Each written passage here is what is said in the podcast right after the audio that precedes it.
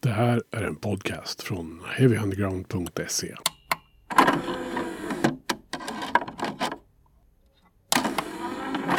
Heavy Undergrounds podcast är tillbaka och eh, ni vet ju vad det är för dag när det här släpps. Det är första lördagen i månaden och det betyder att vi ska prata en klassisk platta från 1993.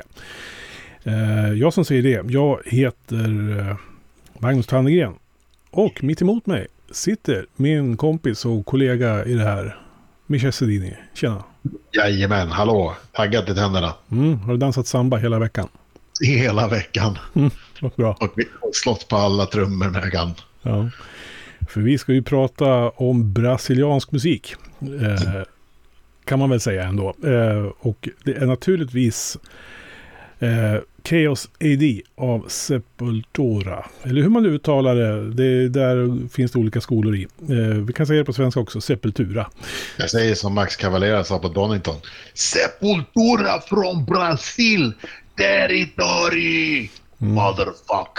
Så, att, så där kommer du att säga under hela det här avsnittet nu så fort du säger Mm. bandnamnet. Bra. Mm, exakt. Ja. Släppt i september 93, inspelad i Rockfield Studios och Sheepstow Castle i Wales. Ehm, Exakt. Bond. precis, släpp på Roadrunner eh, och är 47 minuter och 4 sekunder lång om man ska tro Wikipedia. Och det ska man väl kanske göra. Vi tror alltid på Wikipedia, det har vi sagt förr. Ja, det är en liten premiss för här, den här poddserien kan man väl säga att finns det en myt så kollar vi inte jättenoga om den stämmer. Utan eh, det liksom hör till själva grejen. Eh, Ja, med, med ett band ingen- och en, band och en klassisk skiva liksom.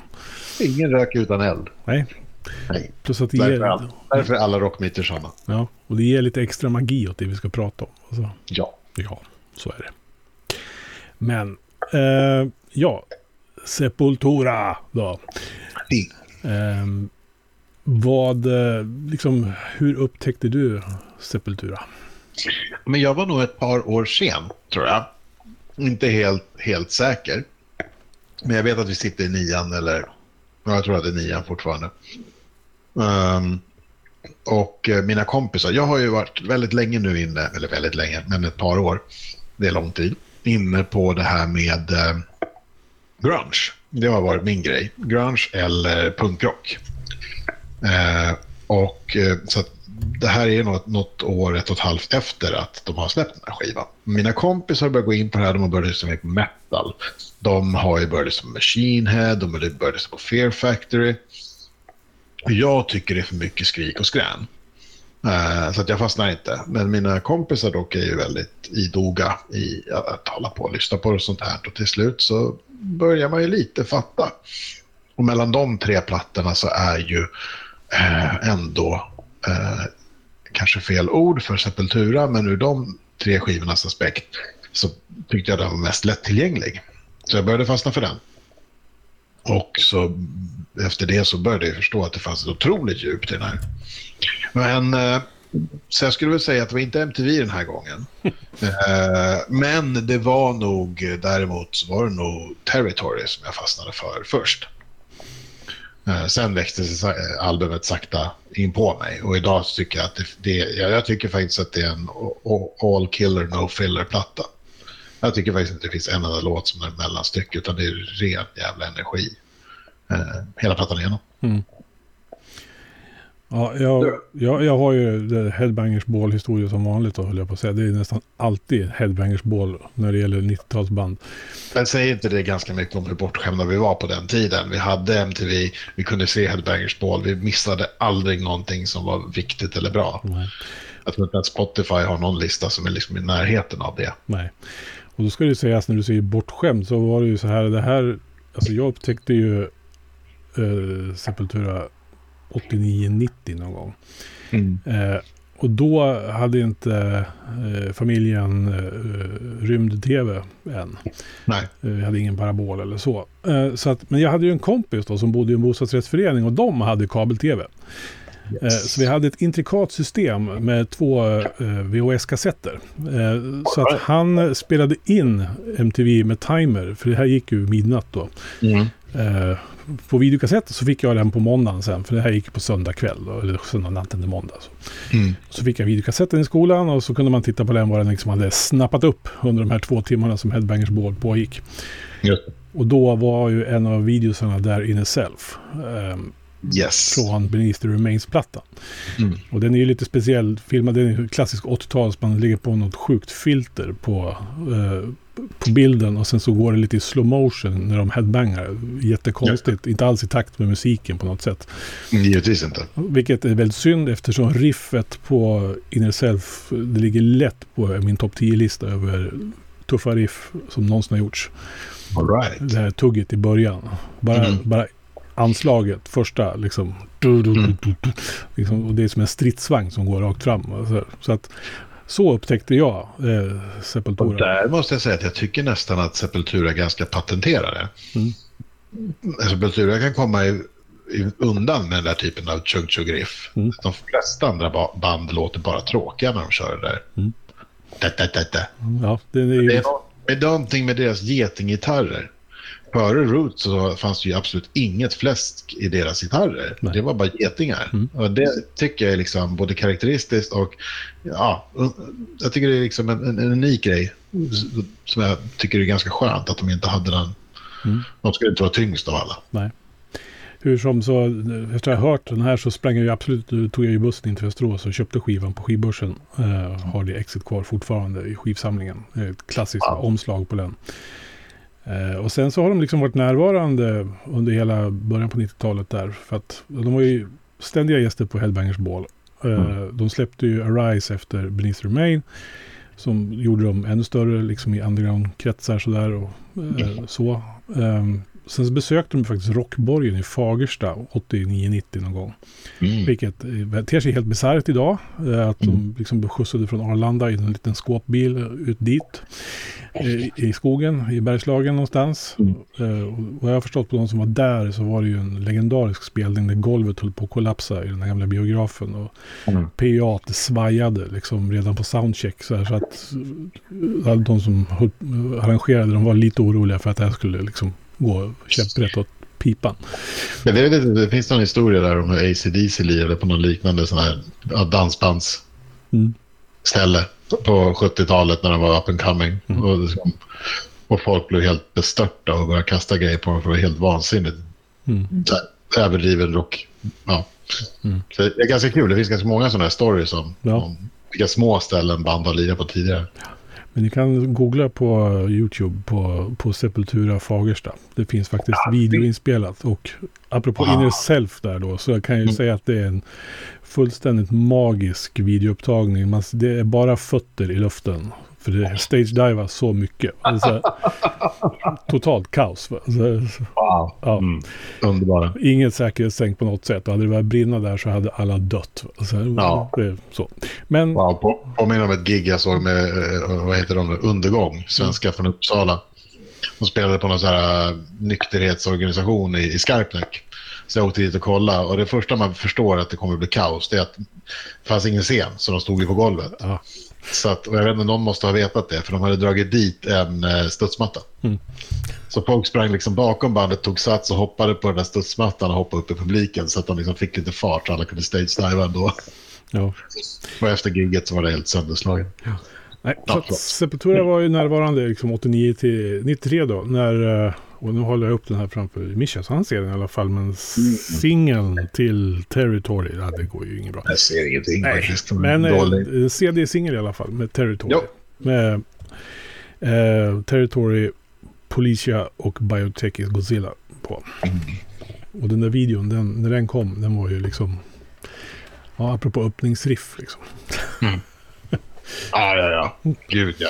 Och det är inte en riff. Det är ju något jättehärligt, märkligt, samba-liknande trumfill. Ja,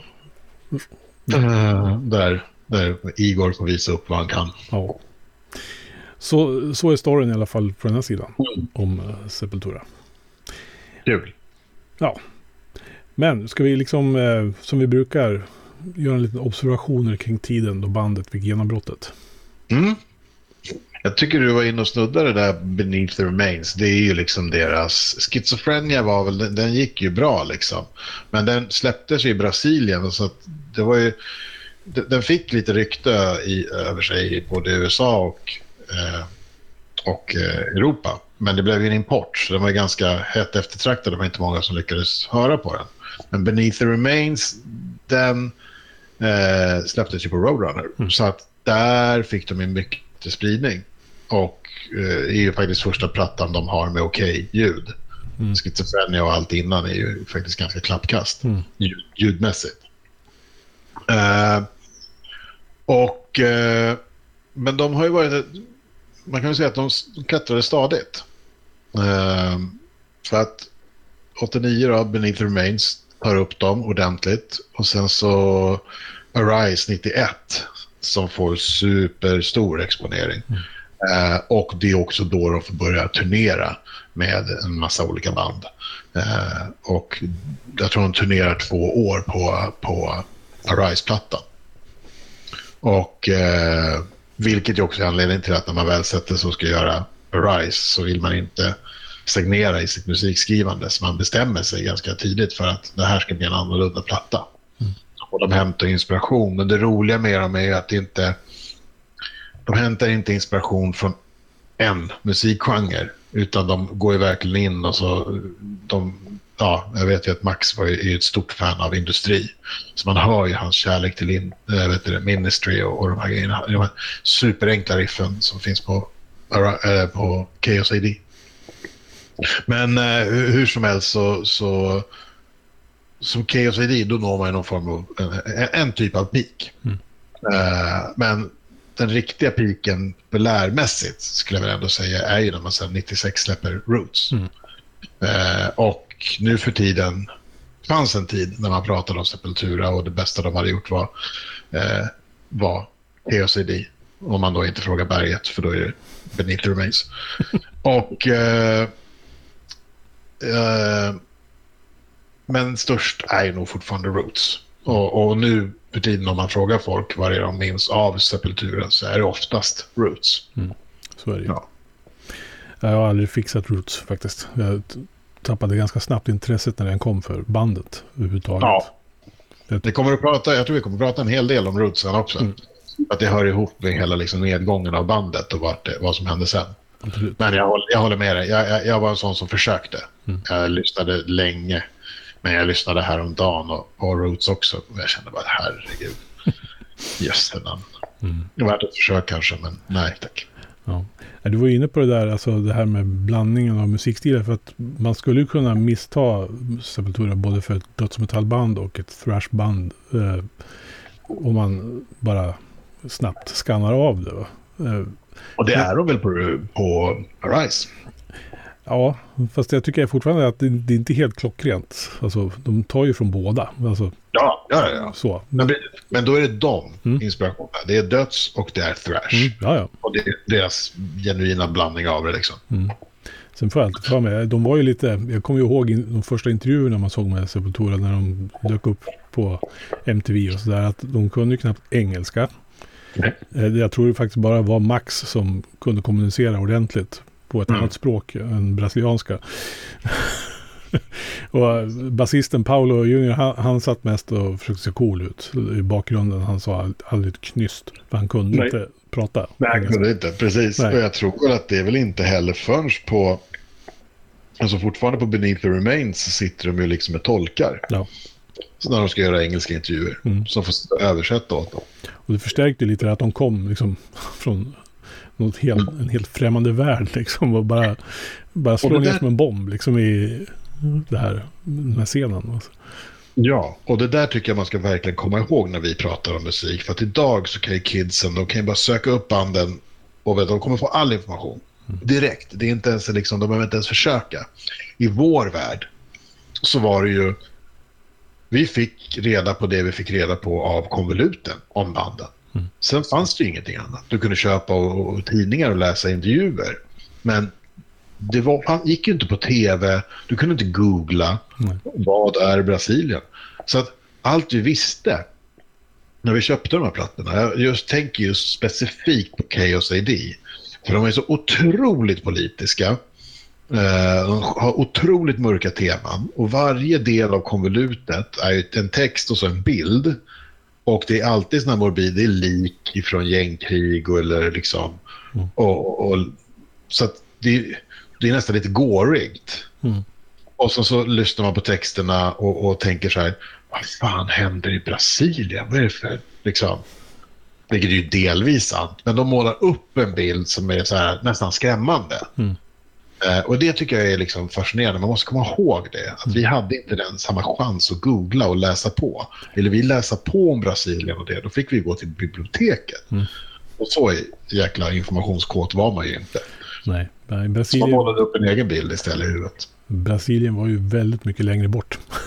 än vad det är, ja. Om man ska uttrycka det på det sättet. Exakt. Och den info man fick om landet, det var av Sepultura. De målar inte upp en dagerblick. Nej. Liksom indirekt. Nej. Ja, innan vi går in på skivan då, eh, mm. i sig, så kanske vi ska dra lite vad vi har lyckats gräva fram om eh, de huvudpersonerna i det här. Eh, alltså ja.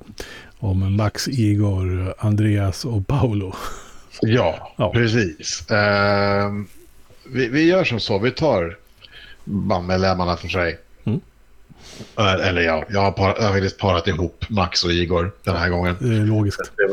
För att på, på den det nät som vi hittar vår information på så de splittrar inte de två så jättemycket. Nej. Men de växte ju upp då i Belo Horizonte i Brasilien som är landets sjätte största stad. Eh, söner till en brasiliansk modell och en italiensk diplomat. Eh, dock så dör fadern och diplomaten eh, tidigt i brödernas liv vilket gör att familjen de, de faller i fattiga tider eh, väldigt tidigt. Och eh, vid 15-16 års ålder så bildar de då bröderna Sepultura. Eh, och eh, bara tre år senare så har eh, bandet sin klassiska sättning bestående av Max och Igor Cavalera. Eh, och sen också Paolo Junior. Eh, Eh, så att som jag har förstått det så är det liksom det är deras frist att mm. hålla på med, med det här. Mm. Eh, Paolo, han är ju basist, så de skrivs det ju inte mycket om. Så det vi vet är att han också är född i Belo Horizonte och att han var medlem sedan 1984. Men trots detta så var det inte först på KOCD 93 som han medverkar på ett album och spelar. Så i nio års tid så fick han vara livebasist. Mm. Eh, sen har vi då Andreas Kisser han är ju utbölingen då så att säga. Eh, den enda då som inte är född i Belo Horizonte, han är född i en förort till Sao Paulo som ligger en bit därifrån. Eh, son till en slovensk lärarinna och en tysk mekaniker. Började spela gitarr när han, var, när han vann en gitarr på farmors eh, bingo till, till, ja, ja, tillställning. Mm. Uh, han började först med att lära sig typisk brasilianska ackord. Det är väl, jag kommer inte ihåg vad, vad deras typ av pop heter, men de har en väldigt speciell typ av pop. Uh, och uh, innan han gick över till att lära sig klassiska stycken då.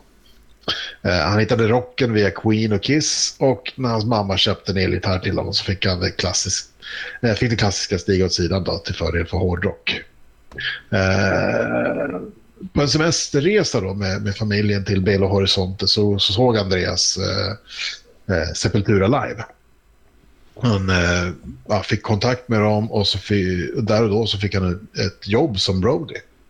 Eh, men sen tog det något år och tills att den, den dåvarande gitarristen han slutade och då fick eh, Andreas komma upp och jamma lite och provspela med dem. Och sen var jobbet hans då. Eh, bandet då, det bildades ju av brorsorna, som vi nämnde tidigare. Eh, I samband då med att de hoppade av skolan. De, var ju, de började också lite mer lyssna på Queen och Maiden och, och Kiss och lite sådana band. Eh, men sen fick de ju höra... Eh, fick de ju höra... Och vad heter de nu då? Venom. Mm. Som så många andra. Ja, som, efter det, då gick de in på mycket tyngre grejer och släppte Maiden och alltihopa. Uh, och via dem då så influerades de av band som Hellhammer, Celtic Frost, Creator, Sodom, Slayer, Megadeth och en hel del andra. Liksom.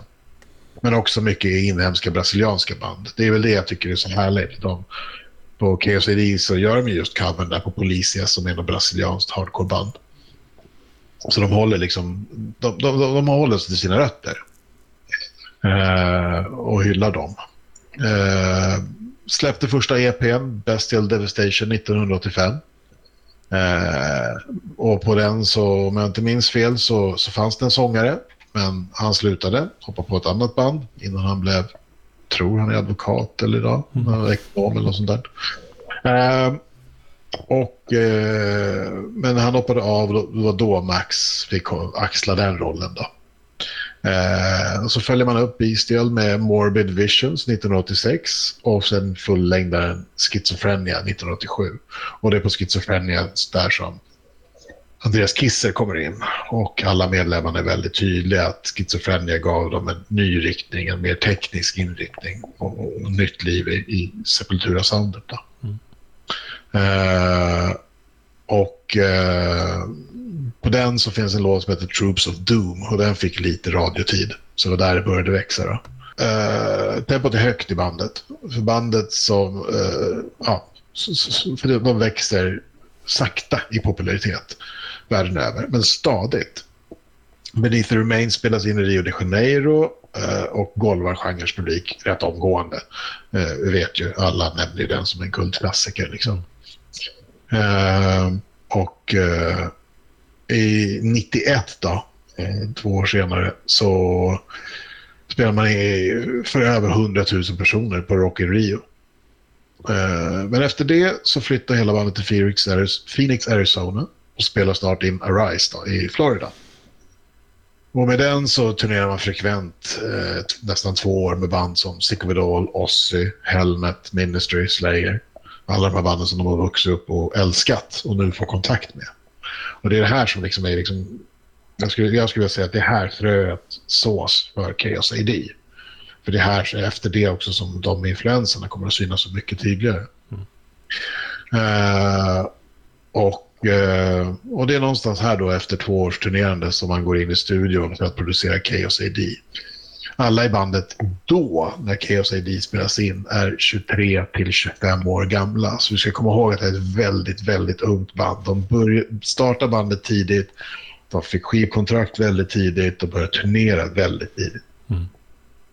Ja, det är en fascinerande historia. Mycket. Om, om, om det här bandet tycker jag. Och den är ju längre än vad man tror. Aust. Den får bort. Bra. Uh, ja, den är ju längre än man tror, precis. Och börjar väldigt tidigt. Så det är ganska spännande. Och då man lägger det ihop med, med, med allt annat så kommer vi förstå att eh, Max hoppar ju av bandet innan han är 30. Mm. Och då har han ändå varit med i bandet väldigt länge. ja, han startade bandet ja. med brorsan. Liksom. Ja, exakt. Ja. Så där är vi då när vi börjar hoppa in och eh, spelar in skiva nummer tre. Mm. Mm. Nej, fyra. Förlåt. Fyra blir det då. Du ser, det är svårt att hålla reda på det. Ja, schizofrenia räknas väl. Precis. Ja. Förstår du, 23 år gammal och ska spela in sin fjärde skiva. det är bra jobbat. Ja, men jag tror, man, det, jag tror att det är viktigt att komma ihåg det, särskilt inför när bandet splittar. Mm.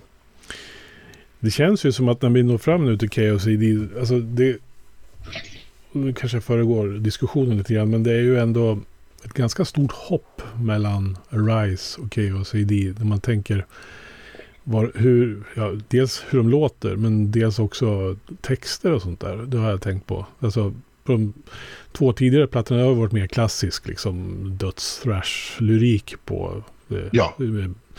Mycket eh, blod och smärta och inre konflikter och allt vad man drabbas av i den där åldern när man spelar in sådana där skivor. Och försöka, försöka låta cool på något ja. sätt och är, har lyssnat alldeles för mycket på Venom och Slayer. Ja. Eh, Medan Chaos AD, det är en helt annan typ av djur när det kommer till textmässigt och alltså själva känslan. Det, det, den är ju mer utåtriktad så att säga. Den tar sig an världen omkring på ett helt annat sätt. Alltså det är, det är en väldigt politisk skiva. Mm. Alltså det är ju jag skulle säga att det är närmast protestmusik. Mm. Vi öppnar med Refuse Resist. Mm. Det, det, det, finns, det finns en otrolig energi och samtidigt som den är så väldigt, väldigt mörk. Mm. Alltså,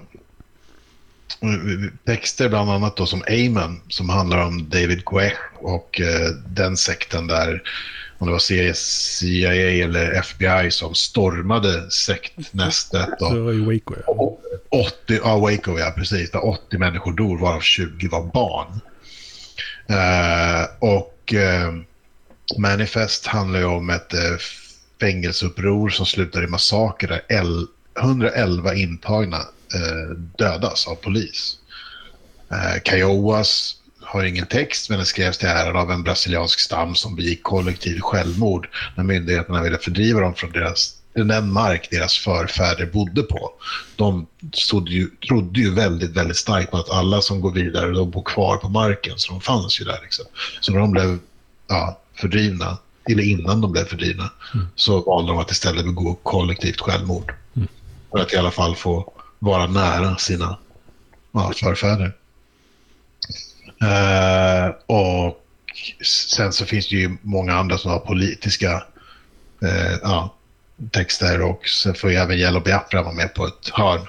Och han är ju den som skriver Biotech is Godzilla som, ja, som är, ja, där bioteknik beskylls för uppkomsten av aids. Mm. Uh, så att det fanns ju, det fanns ju sådana, vet du, 5G det fanns ju 5G-folk före 5G så att säga. Jag tror Yellow Biafra har varit det sedan han föddes. Ja, ja, ja. Gud ja. ja, ja. Han var ju ganska ledande med alla de där grejerna på, på 80-talet. Ja, ja, visst. Mm. Ja, ja eh, det eh, blev ju Andy Wallace som producerade det här va? Mm.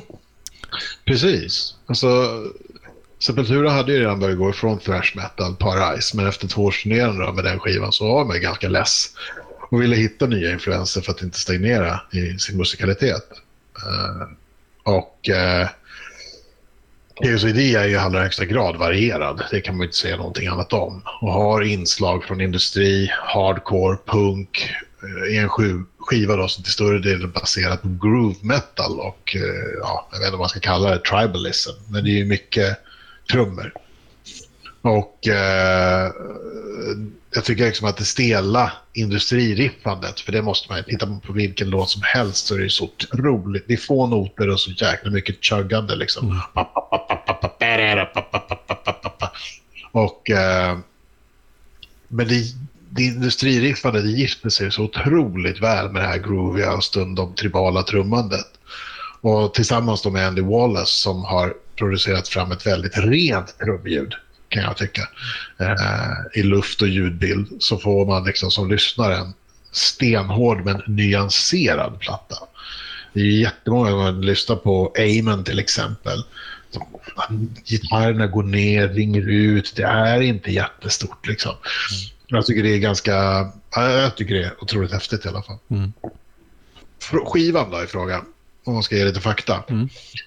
Eh, inför skivan så stod man och valde mellan flera olika producenter. Och Al Jörgensen från Ministry var ju en av dem.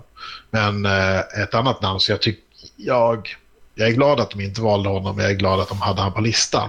Det är John Zorn. Han är en avantgardias kompositör som eh, förmodligen är mest känd för att han producerade första Mr. Bungle-plattan.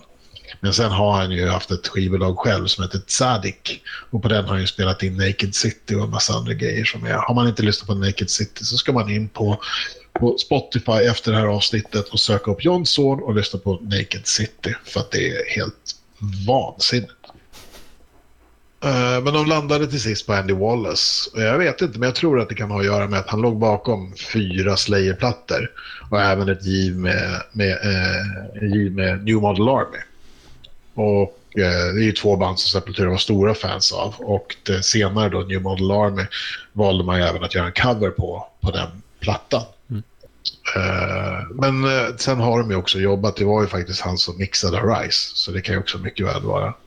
Han är ju känd för att han kan skapa bajskorvar till just diamanter bara för hans eh, hans kunnighet inom mixningen. Mm, han var ju lite på den tiden också en golden boy i branschen, liksom, Andy Wallace. Ja, mm. precis.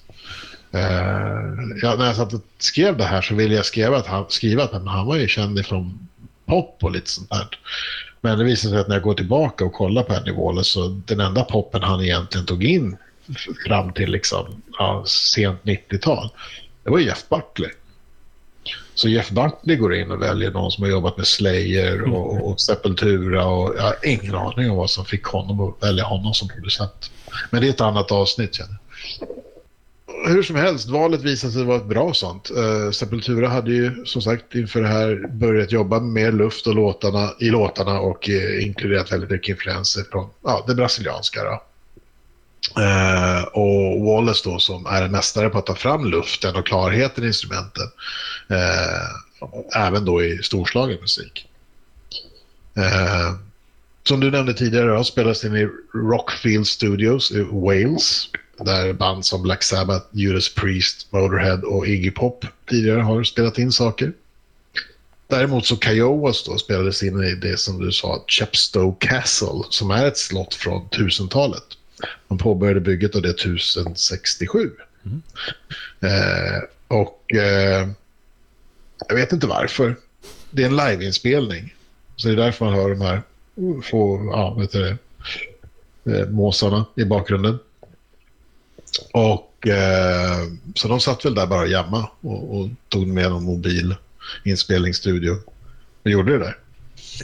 Eh, tanken var aldrig att den skulle spelas live. Eh, man tänkte att så här, men vi kan inte liksom gå ner och spela akustiskt mitt i ett set. Så den här kommer vi aldrig göra live. Men sen satt de gemensamt och kollade på en eh, VHS med Neurosis.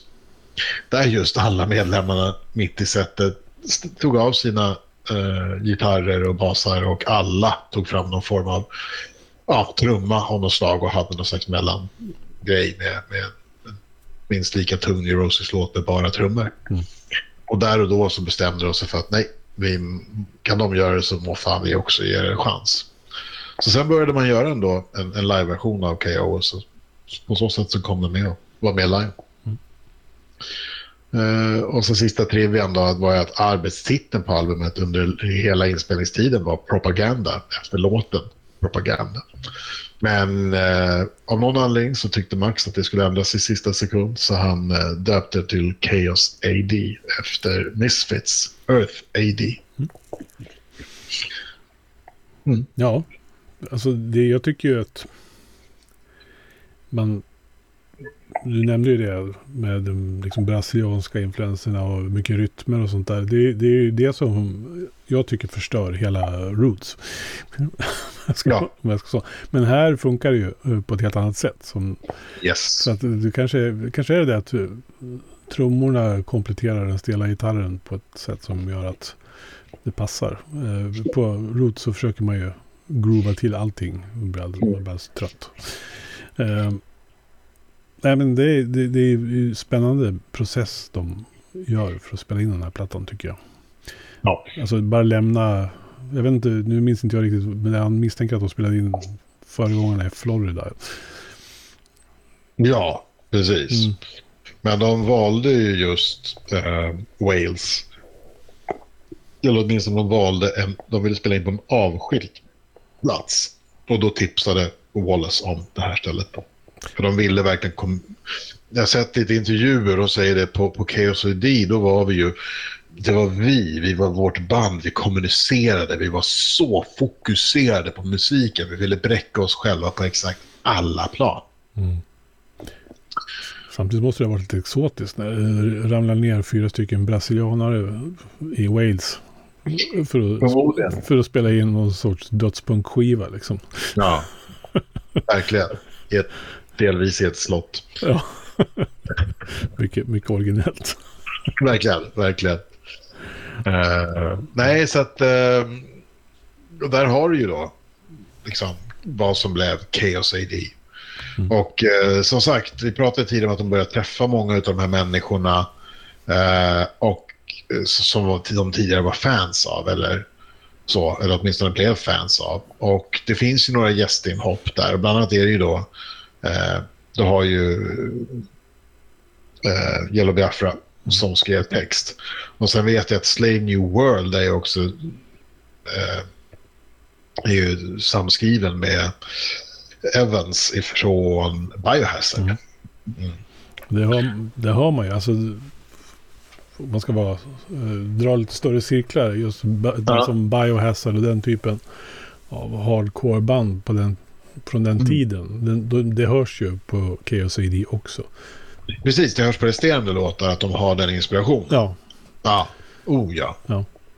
Så det är mer en del av den scenen snarare än någon dödsmetallscen eller så. Så de, mm. de gör den här förflyttningen. Nej, helt ärligt så tror jag nog det finns thrash kvar på, på, på KSID. Mm. Men det finns ingen döds. Nej. Nej, dödsen är helt borta Den har de helt rensat ut. Ja. Mm. Och med lite all rätt tycker jag. Mm. Eh, jag vet, det finns de som spottar på mig när jag säger så. Men nej, jag, jag kommer in på KSID. Det där är det gamla klassiska. Den platta man kommer in på, den förblir favoriten. Andra plattor kan vara bra, men liksom, jag kommer in på KSID, KSID är min platta. Med all respekt för de som är Beneath the Remains-fans. Ja. Mm. Men sen säger det väl någonting om, ja i alla fall om eh, Max Cavalera kan jag tycka. För att han är ju liksom, han har ju rört sig ändå. Han har ju haft flera band. Eh, Nailbomb och mm. eh, ja, sen Soulfly naturligtvis. Eh, men han, han, Nailbomb han, han tillsammans med Fudge Tunnel. Ja. Som han är ett med. Precis. Ja. Nej, men så att, jag menar, han, han är ju lite ändå eh, intresserad av an, liksom, annan musik. Eh, och det är väl Igor också. Han har väl ägnat sig åt technomusik och allt möjligt eh, i sina dagar. Utanför Sepultura och ja. annat han har gjort. Eh, men även, det kan ju vara deras... Att man, de var väl exponerade på ett annat sätt för en annan typ av musik. Mm. Än vad vi, om vi ska kalla oss för västerlänningar. Om man, ska skilja, ja. om man ska skilja på Sydamerika och resten av världen. Ja, men jag tycker man kan göra en distinkt skillnad där. Mm. För att det är inte bara Sepultura som kommer från Brasilien. Jag tycker att den musik som kommer från Brasilien har ett helt annat tänk. Så jag tycker definitivt, jag menar man kan ju höra skillnad mellan tysk och amerikansk thrash. Mm. Så det är ingen konstighet tycker jag. Liksom. Utan, men jag tyckte det var det som var det häftiga med dem. De kom in med ett väldigt friskt, mm. en, en, frisk tagning på, på vad thrash och döds kan vara. Mm. Och sen de dessutom börjar liksom inspireras, alltså de i sin tur börjar inspireras av det, det amerikanska. Eh, så, så tycker jag det blir ännu häftigare att de börjar tolka vad som är amerikanskt. Eh, så därför tycker jag, jag tycker liksom, det blir som full cirkel på hela Chaos plattan mm. De börjar spela amerikansk musik, de gör, eh, fast de gör det brasilianskt. Och sen så börjar de hitta andra band att vara inspirerade av och så behåller det brasilianska och nästan överdriver det brasilianska i och med KOCD. När de hittar liksom lite mera, ah, vad ska man säga, det är inte samba-rytmik men det är, liksom, det är väldigt groovigt. Och på det så får de in det här liksom eh, brasilianska. Mm. Precis. Men vad, vad, har du själv, alltså, vi har ju redan nämnt många låtar här från den här skivan som, eh, som, vi, som vi gillar. Men eh, kan vi utveckla det lite grann? Vad, vad, tycker vi, vilka låtar är det som gör den här skivan till den skiva det är? Du får inte säga att det är helheten här, utan vi måste... Nej, jag kan, jag kan bara citera mig själv här. När vi, du har ju en liten mall som vi går för att skriva lite manus så att vi ja. har lite koll på vad vi ska prata om. Och då brukar du ha din favorit, favoritspår. Mm. Och min lista såg ut som här. Amen, Slave New World, Nomad, We Who Are Not Has Others, Manifest, Clenched Fist och alla de andra. Det gick inte. Jag, jag kan inte välja låt. Och är det en platta som så, om du frågar mig idag, ja men då är det Amen. Frågar mig nästa vecka, We Who Are. Mm. Frågar mig veckan efter det, Manifest. För att de är liksom... Men det här är också en grej som jag skulle liksom ta då, liksom, när vi ändå är där. Alltså, Amen, ganska, den är inte hård. Och så har den ett ganska konstigt... Don, don, don, don, don, don, någon udda slab, slide där liksom. Och så ganska mörk. Eh, och, och, och sen har du Slave New World som ändå är liksom... Ja. Eh, och Nomad, tung som fan. We Who Are, där han, han viskar. Och sen har vi liksom ja, de som försöker låta som handikappade eller liksom, mm. ja. ja. Eh, och sen har du Manifest som bara är liksom, det finns ingen sång nästan. Att han sjunger två rader. Och sen är resten någon sån här fejkad nyhetsreportage över den här massakern på fängelset. Då. Mm. Eh, Clenched Fist, väldigt industri, industrislö. Eh, ja, så att liksom... Du ser, det, liksom, det finns så mycket som helst. Du har öppningen Refuse Resist. Jössenamn, den öppningen. Jag tror att när jag hade köpt skivan själv och liksom satte på den här. Och man insåg den här första, liksom, först ett hjärtslag då Max son mm. som låg i magen. Uh, och sen så de här som också är en sampling. Ja. Det visste jag inte innan. Nej. Det är inte Igor som spelar den samplingen utan det är något brasilianskt band som de var fans av. Så då fick de sampla den. Passar perfekt in. Mm. Uh, och sen då liksom det är en otroligt varierad skiva. Och sen har du ju biotech som går fort som fan och propaganda också kvar lite i den här thrash-andan. Liksom. Mm. Uh, så jag tycker de fyller liksom. Så att, det första vad är det jag gillar med skivan? Låtarna. All killers, no fillers. Jag står vid det, helt och fast. Men sen är det också liksom den här nyskapande musiken. De tar sin thrash-bakgrund med alla influenser och blandar in det här förlåt jag kallar det för tribalism, men det, mm ja, ni vet vad jag menar. De här ja, influenserna i trummorna. Eh, och, och liksom de skapar en skiva som trots sin hårdhet har en lyssnar, liksom tar mig som lyssnare på en resa genom liksom både hårda och karga eh, samt vackra och suggestiva landskap. Eh, många av de här gitarrsolorna som Andreas lägger är ju skitsnygga och orientaliska. Det är inte alls brasiliansk influens på dem, Nej. utan det är snarare orientalism. Eh, så, särskilt på man läser solot på, på, på Nomad. Jösses vad snyggt det. Mm. Eh, och eh, sen att man då också i det här, en, en liten detalj som är, spelar inte så stor roll, men för mig gör det faktiskt en ganska stor grej på skivan. Det är att man inte har sönderdistade gitarrer. De, om du lyssnar på, jag lyssnar på Machine Head. Läsk. Något jävligt med fläsk. Fear Factory. Och det de var ju liksom före med Sugar med det där gitarrljudet. Mm. Otroligt häftigt. Men så lyssnar man på Sepultura som är en minst lika hård platta. Och det är verkligen, när de andra drar upp disten till nio så ligger de kanske på sex det är liksom...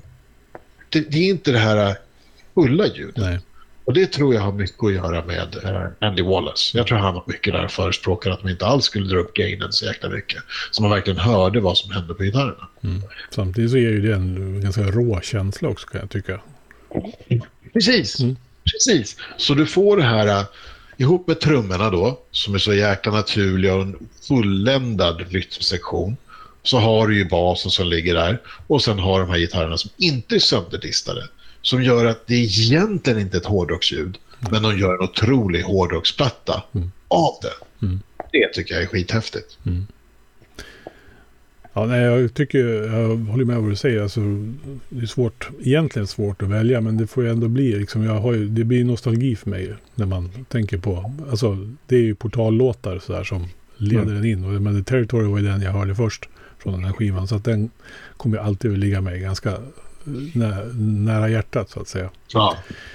Eh, både i hur den låter, alltså det här, vi har ju pratat om det. Det är, ett ganska, det är ett väldigt långt intro på den låten egentligen i flera mm. delar. Eh, innan den egentligen kommer igång. Så här, mm. Man börjar fatta vad det är för sorts låt. För. Men innan så, den väljer ju lite olika vägar i början. Mm. Eh, och sen så, kom, så kommer jag videon, det, när jag hör den så ser jag alltid videon i huvudet med israeliska stridsvagnar och allt vad det är som just, just, ockuperar Gazaremsan. Mm. Och vilket är, låten handlar om, ja. kriget mellan Israel och Palestina. Precis. Eh, och sen så, det är nog för att den är med på den här CD-singeln vi pratade om förut, att Biotech is Godzilla. Eh, den gillar jag också skarpt. För det är ju den här punk, alltså ja, punkkänslan i den. Det, det, känns som att de bara släpper löst. Så mycket dödspunk över den. Ja, och jämfört med andra covers de har gjort, de har ju gjort covers på Motörhead och lite sånt där Mm. tidigare. Då. Men eh, då har de ju gjort det till någon sorts thrash-dödsversioner. Men här är ju, Mm. är ju liksom lite eget ändå, som de släpper lös kraften i. Eh, Ja. Men som helhet, alltså skivan är ju, man får ju se helheten också naturligtvis. Eh, och det, det, det är ju en otroligt varierad platta ändå. För att vara Mm. så, så, ha ett så eget sound. Till och med i låtarna. mm, Jag tänker på, eh, är det... Jo, det är Amen. Mm. Till och med den, den går ju liksom... Och sen så går den väldigt lugnt. Men även den har ju mitten då, liksom down, down. Och så går den upp och så blir det dubbelkaggar i typ tio sekunder. Mm. Och sen går de ner igen. Liksom. Mm. Så att även i låtarna så går det liksom mellan högt och lågt. Mm. Vilket jag tycker är skithäftigt. Ja. ja, Eh, den här, vi har ju varit inne på det att det här är ju liksom det stora, stora, stora breaket för Sepultura. Eh, Ja. Så att det här tar ju dem liksom till nästa division måste man väl ändå säga. Alright har ju redan tagit dem till en väldigt hög nivå. Mm. Väldigt hög. Men det är ju, det är ju helt klart eh, KSID som, som skickar dem upp på inte bara temporärt stora scener utan de är alltid. Det är liksom Donington, de spelar på Dynamo, de spelar på varenda jäkla festival i Europa som existerar. Mm. Och alla klipp man har på nätet är ju sjukt stora publiker. Mm. Och folk som kan låtarna och det är röj och alltihopa. Mm. Så det är ju här de, i mitt tycke, är störst. Och varför jag säger det är ju för att om några år så ska ju Roots komma och ta dem upp ett snäpp högre. Men på Chaos AD, det är lite sista plattan de har där de är ett band. Det är väldigt, väldigt typiskt band. Det händer Mötley Crüe, det händer, händer med störst sannolikhet Metallica, det händer med alla band. När du startar ett band, du är ung, eh, du får ja, din fame lite för tidigt i livet. Mm. Så jag tror att allting kan serveras dig på ett silverfat. Du är odödlig. Ni gör ingenting fel. Varje platta blir bara lite större än den förra. Allt bara pikar uppåt. De har världens självförtroende. Sen kommer fruar in i bilden. Sen barn in i bilden. Man flyttar till lite olika städer. Man kanske inte har den här dagliga kontakten som man hade innan. Man repar i början av tiden så repar man tre, fyra, fem dagar i veckan.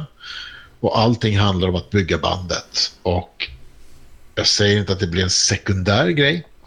Men det blir definitivt inte den viktigaste grejen när man skaffar fru och barn. Nu låter det kanske som att jag säger att det skulle vara något fel och det tycker jag absolut inte. Men det inget band räknar med är att den här, det här kompiskapet av att det är vi mot världen, det blir inte kvar. För nu har du andra människor att ta hänsyn till och försörja. Så det var säkert inget problem för, för Sepultura då att försörja någon. Men det här för, förändrar varje gång kemin i bandet.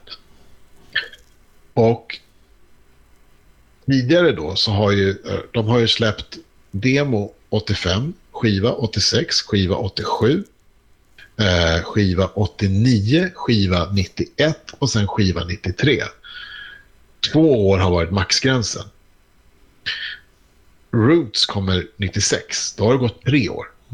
Bara det att det har tagit så lång tid för dem att göra en ny platta, det berättar en ganska stark story om att det har hänt saker i bandet som har gjort att musiken inte har riktigt kunnat vara prio ett. Ehm, så att när väl Roots släpps så är man 25 till 27 år gamla i bandet. Och man har turnerat ihop i åtta år. Och att varva då att vara världens största hårdrock, ett av världens största hårdrocksband samtidigt som man då är familjefäder sliter hårt på vänskapen. Mm. Ehm, i, när man har släppt Roots och ska ut och turnera på den eh, så i augusti 96 så dör Max eh, svärson, hans fru då, eh, Gloria. Eh, hennes, dotter, hennes son dör i en bilolycka. Han kör ihjäl sig vid 21 års ålder. Eh, och... Eh, eh, bandet då, eh, eller ja, förlåt. Eh, och i och med den här så Max börjar ju glida ner i en depression. Max har ju aldrig varit dålig på att förespråka marijuana och kanske lite andra droger. Mm. Men han börjar ta tyngre droger och mer droger för att de har svårt att hantera sorgen där hemma. Och då ska man komma ihåg att Max också redan har två egna barn i det här. Så att det är ingen bra hemmabild. Eh, och ihop med då att han känner också att hans band glider honom ur händerna. Så, så börjar det bli väldigt mycket interna anspänningar. Då. Och det hjälper ju inte då att den här, uh, hans fru, eh, Gloria Bunkowski, eh, även är manager i bandet. Det där är ju aldrig en bra kombo alltså. Nej. Nej. Och det har säkert funkat. Men sonens död är ju liksom... Det är ju liksom... Kulan har redan legat där i, i, i kammaren ett mm. tag. Men det här är liksom... Sonens död är liksom det som spänner hanen. Mm. Eh, och bandet... Eh, de övriga bandet börjar bli allt mer missnöjda med Glorias sätt att driva bandet och tycker att hon premierar, premierar Max. Eh, och några månader efter sonens död där så lyfter bandet detta med Max. Och då ska vi då komma ihåg att han har börjat ta tyngre droger. Eh, han är fortfarande väldigt deprimerad och de säger, hans band säger att de vill sparka sin manager, hans fru. Max blir helt rosenrasande och tycker att hans barndomsvänner har förrått honom. Och efter ett par bråk till så, så väljer han att hoppa av Sepultura. Hans fru Gloria försöker tala om för honom att jag har andra band jag kan ta hand om. Följ med dina vänner. Men han sa nej, det här, jag är inte den typen av person. Uh, jag, jag, går, liksom, jag kör inte över människor bara för sådana saker utan jag står med mina principer. Och uh, är det något man vet om Max så är det att han har aldrig ett ont ord att säga om Gloria. Deras, hans kärlek till henne mm. är bestående. Mm. Så han hoppar av Sepultura. Och som vi alla vet så båda parter väljer att gå vidare. Sepultura hittar ny sångare i Derek Green.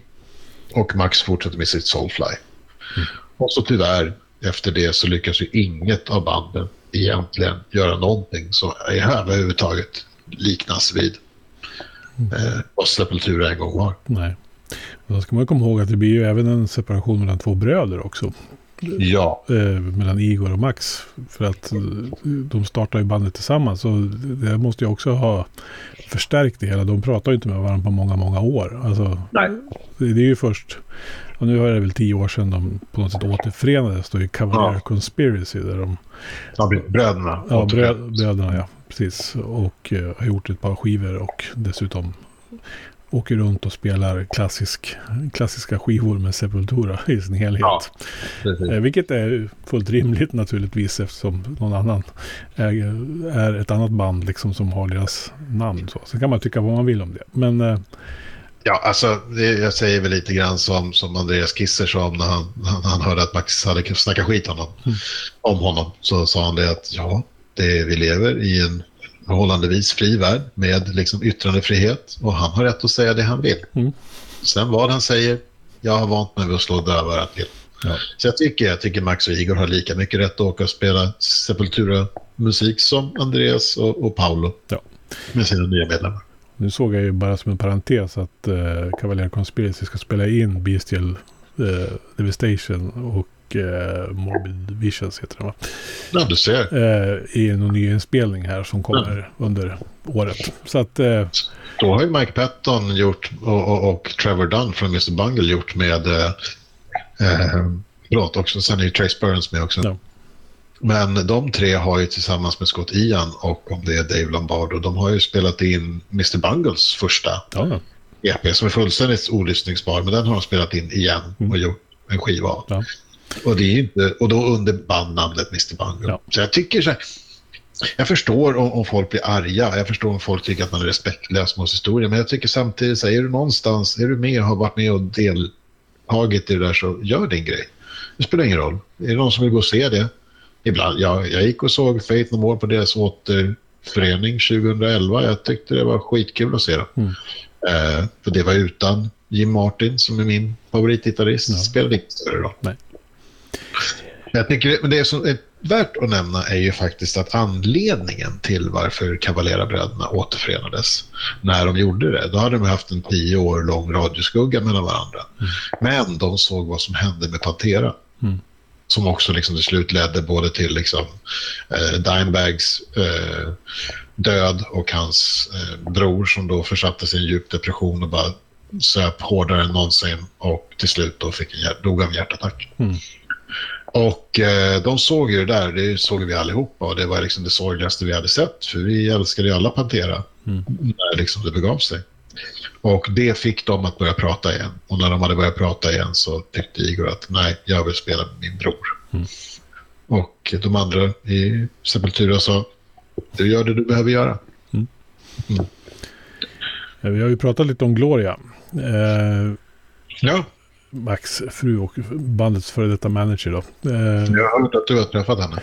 Ja, i alla fall per telefon. För, jag skulle, för några år sedan så skulle jag intervjua Max för någon dålig Soulfire-skiva han skulle släppa.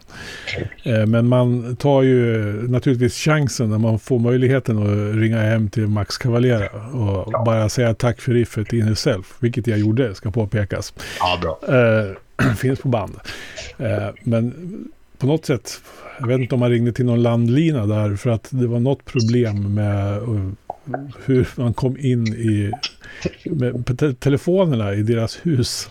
Så när jag ja. ringde det nummer jag hade fått av skivbolaget så kom jag till Gloria.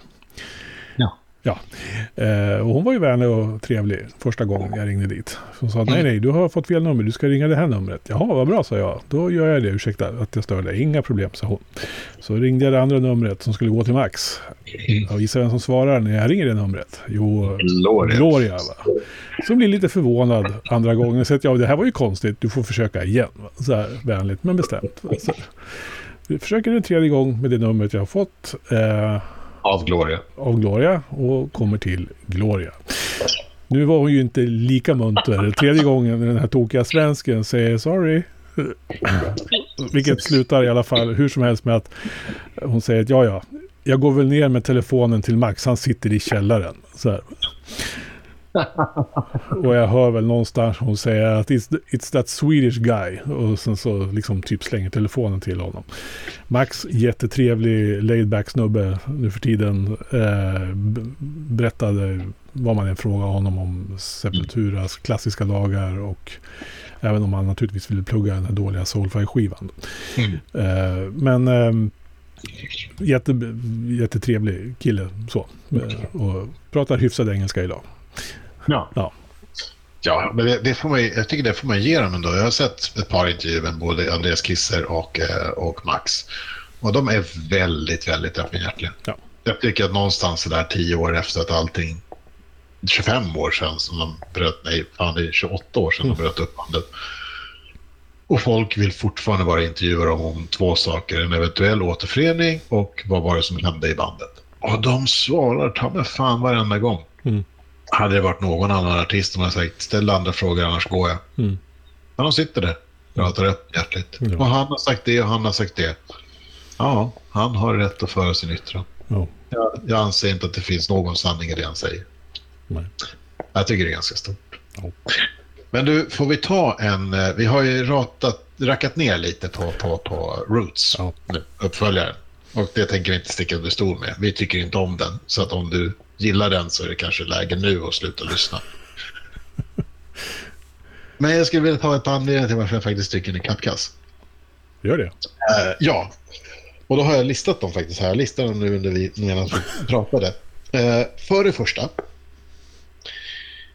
Uh, 96.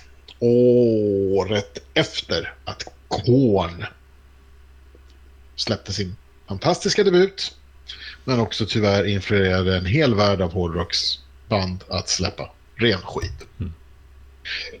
Eh, för de som av någon outgrundlig anledning inte vet vad Korn är så är det väl egentligen världens första nu-metallband. Så som man kan säga. Ja, och har ju faktiskt en utbud som faktiskt låter OK fortfarande. Ja. Mm. Även om de senaste... Ja, och sen plattan efter det är OK och sen efter det så har det varit ren skit. Ren åsikt, bli inte arg. Eh, men hur som helst, Korn har ju släppt sin platta och de gör ju allting på sjusträngade gitarrer, precis som i Sugar, och eh, tycker att... Eh, och då tycker Max att wow, jätteköttiga, fläskiga gitarrer. Det här vill jag inkorporera i mitt. Det här är anledning nummer ett till varför Roots suger. Eh, för att man tog ännu enklare riff och gjorde dem allt för lätta. Eh, anledning nummer två. Eh, knark. Eh, nu har ju det är inte bara efter Danas död som, som knark är inne utan man hör ju rätt tydligt att inspirationen är ganska borta. Man hör att bandet inte träffas lika mycket, det är inte lika tight, inte lika head-on. Eh, och man, jag tycker man även hör eh, en stor anledning till varför Roots suger är texterna. Om vi tittar tillbaka på, på, på KOCD som är en otroligt politisk platta, som är en väldigt arg platta, som har väldigt sylvassa texter. Eh, och så krävlar man fram då till, till Roots som du vet i någon form av refräng där han skriker And in the end I wanna see some respect I said I wanna see some respect. Tyvärr Max. Det är liksom inte lyrik som går hem. Du, du har lite för mycket ärvt, eh, eh, vet han, Jonathan Davis. Jonathan Davids eh, eh, gnäll-speaks-retorik Mm. som höll en platta när vi är inne sen på åttonde plattan med samma tema. Nej, tack. Eh, och sen, en av de största delarna eh, är, och det här skär i hjärtat att säga, för jag tycker att Ross Robinson är en av de absolut bästa producenterna som någonsin har vandrat denna jord. Han har fått ut det absolut bästa ur At the Drive-In. Han har fått ut det absolut bästa ur Slipknot. Han har fått ut det absolut bästa ur, som ingen annan känner till, The Blood Brothers. Han ska, och han ligger ju för tusan bakom första Glassjaw-plattan. Det får man inte glömma. Det är en sjukt underskattad skiva. Han ligger mycket bakom så otroligt mycket för han är den där som liksom tvingar dig att sjunga tills du spyr. Han är den som tycker att live är absolut bäst. För då får bandet vara precis vad bandet vill vara. Han är den som skiter i om det är ostämt. Är det feeling så är det feeling. Det är det enda viktiga. Han, på 90-talet han gjorde så mycket plattor. Och samtliga band som jobbade med honom sa att aldrig igen. För han dränerar dem så jävla hårt på energi. Men han får till de där plattorna. Mm. Problemet är att man väljer honom även för Sepultura. Och Ross Robinson introducerar någonting som han kallar för Brazilianism.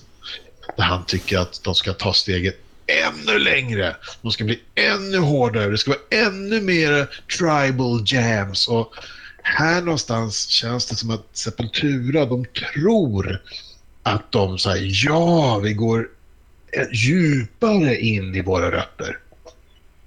Missar helt poängen när man börjar liksom exploatera det. Man, liksom, man gör det till sitt främsta. Det är inte en influens längre, utan det är det som driver en.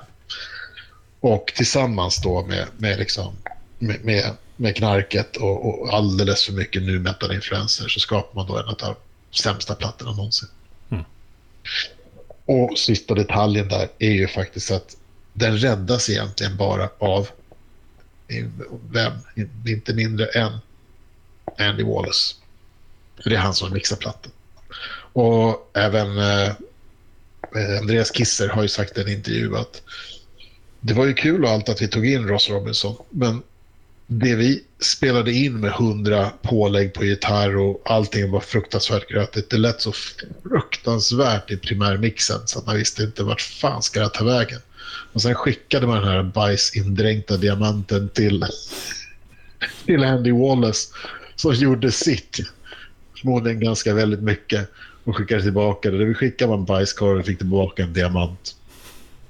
Jag håller inte med om diamantbiten, men jag förstår att att kaosmänniskan Ross gjorde att Andy Wallace förmodligen fick jobba ganska många sena nätter. Mm. Mm. En episk sågning av en eh, skiva. Skål för det. Jag bjuder på det. Ja. Bonusmaterial. ja. Men hörru du, vi har väl kommit till vägs ände om Chaos AD i det här avsnittet känns det som. Eh... Och vi kan ju deklarera redan här att det blir inte ett avsnitt om Roots. Nej, om tre. det blir det inte. Det kan ni redan lista ut att ni slipper det. Eh, ja, det är en fantastisk skiva och har ni inte ja. lyssnat ordentligt på den innan ni har hört det här avsnittet så är det ju det ni gör först nu då. Det är ja. slå på den. Bara gjort. Ja, precis. Ja, som alltid, eh, Mischa, ett eh, sant nöje att eh, prata eh, musik med dig. Det är ju det, är det här som gör att det blir så roligt i livet, tycker jag. Vi kan ju konstatera att det blir aldrig tråkigt. Nej, det blir det inte. Nej. Nästa gång vi ska prata så kommer det inte heller bli speciellt tråkigt. För då ska vi inte prata om eh, ett band. Utan vi ska prata om väldigt många band som gör saker tillsammans. Jaha, mm. jag har glömt bort listan. Ja, men eh, mm. du får fundera på den då, vilken det är. Ha dig på orden. jag tänker inte berätta det här. Nej, jag Nej. förstår det. Mm. Lite spänning ska det ändå vara. Precis. Med det sagt så eh, tack för att du har lyssnat på Heavy Undergrounds podcast och det här klassikeravsnittet om Sepulturas Chaos AD. Tack och hej. Du har lyssnat på en podcast från heavyunderground.se. Jag som säger det heter Magnus Tannegren och är den som producerar och intervjuar i den här podcasten. Vill du veta mer om det här avsnittet eller om podcasten i allmänhet? Besök heavyunderground.se eller leta upp oss på de sociala kanalerna på Facebook och Instagram. Tack för att just du har lyssnat. Hey, I met you. You are not cool. I know. Even when I thought I was, I knew I wasn't. Because we are uncool. I'm glad you were home. I'm always home. I'm uncool. Me too. You're doing great. Know, the only true currency in this bankrupt world is what you share with someone else when